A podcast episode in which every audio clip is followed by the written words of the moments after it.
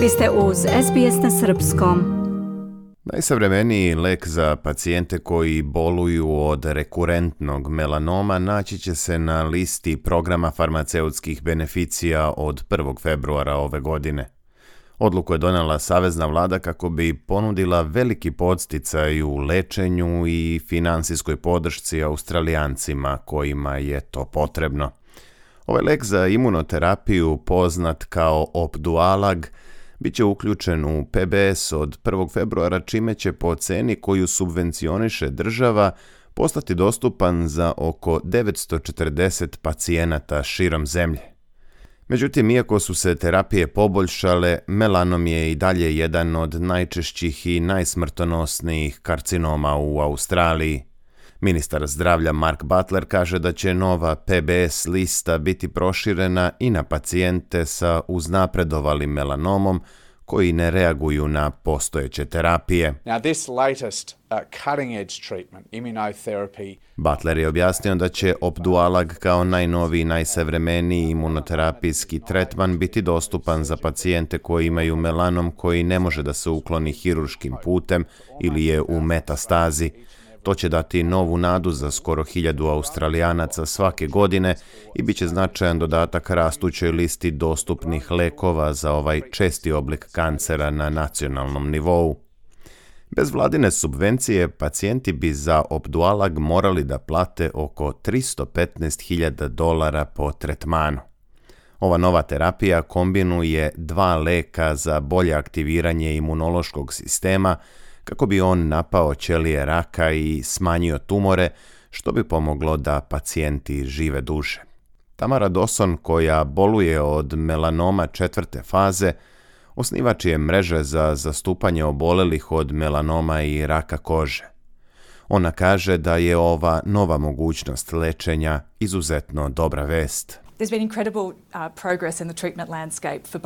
Doson objašnjava da je tokom posljednje decenije došlo do neverovatnog napretka u oblasti lečenja melanoma i raka kože, te da je ovo još jedan veoma važan korak.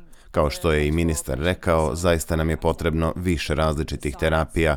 Kao pacijent u četvrtoj fazi dobro razumem važnost nauke, istraživanja i kliničkih ispitivanja, a zatim i pristupa novim lekovima, rekla je Tamara Doson. A koliko su zapravo poražavajući podaci o dijagnozama melanoma u Australiji?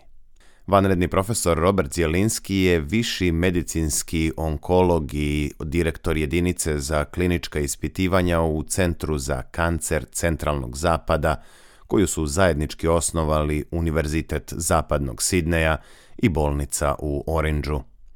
On objašnjava zašto mnogi smatraju da je rak kože zapravo nacionalni kancer Australije. Around 17,000 Australians are diagnosed with melanoma every year. Svake godine oko 17.000 Australijanaca dobije dijagnozu melanoma, a na svakih 30 minuta postavi se po jedna dijagnoza. Ono što je, nažalost, najtragičnije, na svakih 6 sati od melanoma umre jedna osoba u Australiji. To je nacionalni rak i nešto što je povezano sa lokacijom na kojoj se nalazimo. Zjelinski kaže i da je melanom najčešći rak kod ljudi mlađih od 40 godina. Jedan od pacijenata profesora Zjelinskog je James, 36-godišnji projektni menadžer iz Orangea, kome je diagnostikovan uznapredovali melanom. On kaže da je bio šokiran što mu je u tako mladoj dobi diagnostikovan tako težak oblik raka. Za Jamesa je to bio apsolutni šok jer je ceo život mislio da je otporan i na metke. On kaže da većina ljudi njegovih godina i ne pomišlja da bi tako nešto moglo da im se desi, a onda na jednom saznaš.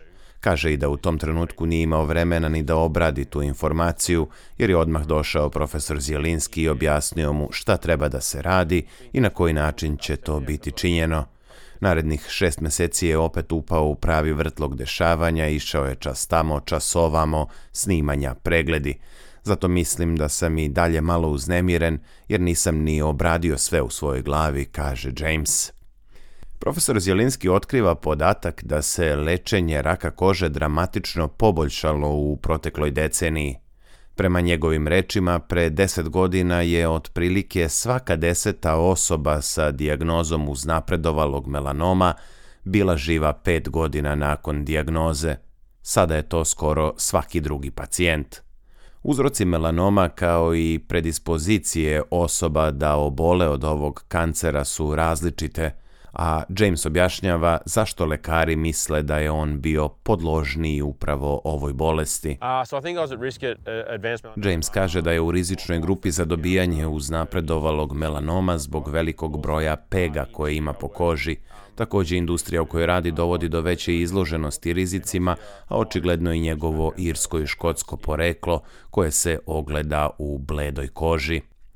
Uvrštavanje Leka Obdualag na listu PBS-a je najnoviji korak Albanezove vlade u politici jeftinije medicine koja je i dovela do širenja programa subvencija. Iz vlade kažu da su od početka 2023. građani Australije uštedeli više od 240 miliona dolara posle odluke da se snizi maksimalna cena lekova koji se izdaju na recept, a uključeni su u PBS. Ministar Butler ističe da će u krizi troškova života niže cene lekova pomoći da se spasu mnogi životi. Butler kaže da prema podacima Biroa za statistiku skoro milion pacijenata svake godine u nekom trenutku ostane bez leka koji im je lekar prepisao kao važan za njihovo zdravlje jer jednostavno ne mogu da ga priušte. Zato je ovo proširenje programa subvencionisanih lekova dobro i za zdravlje i za novčanike Australijanaca, zaključio je ministar zdravlja Mark Butler. Autor ovog priloga je Sam Dover iz informativne redakcije SBS-a.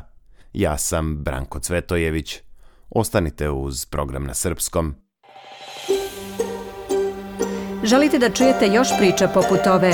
Slušajte nas na Apple Podcast, Google Podcast, Spotify ili odakle god slušate podcast.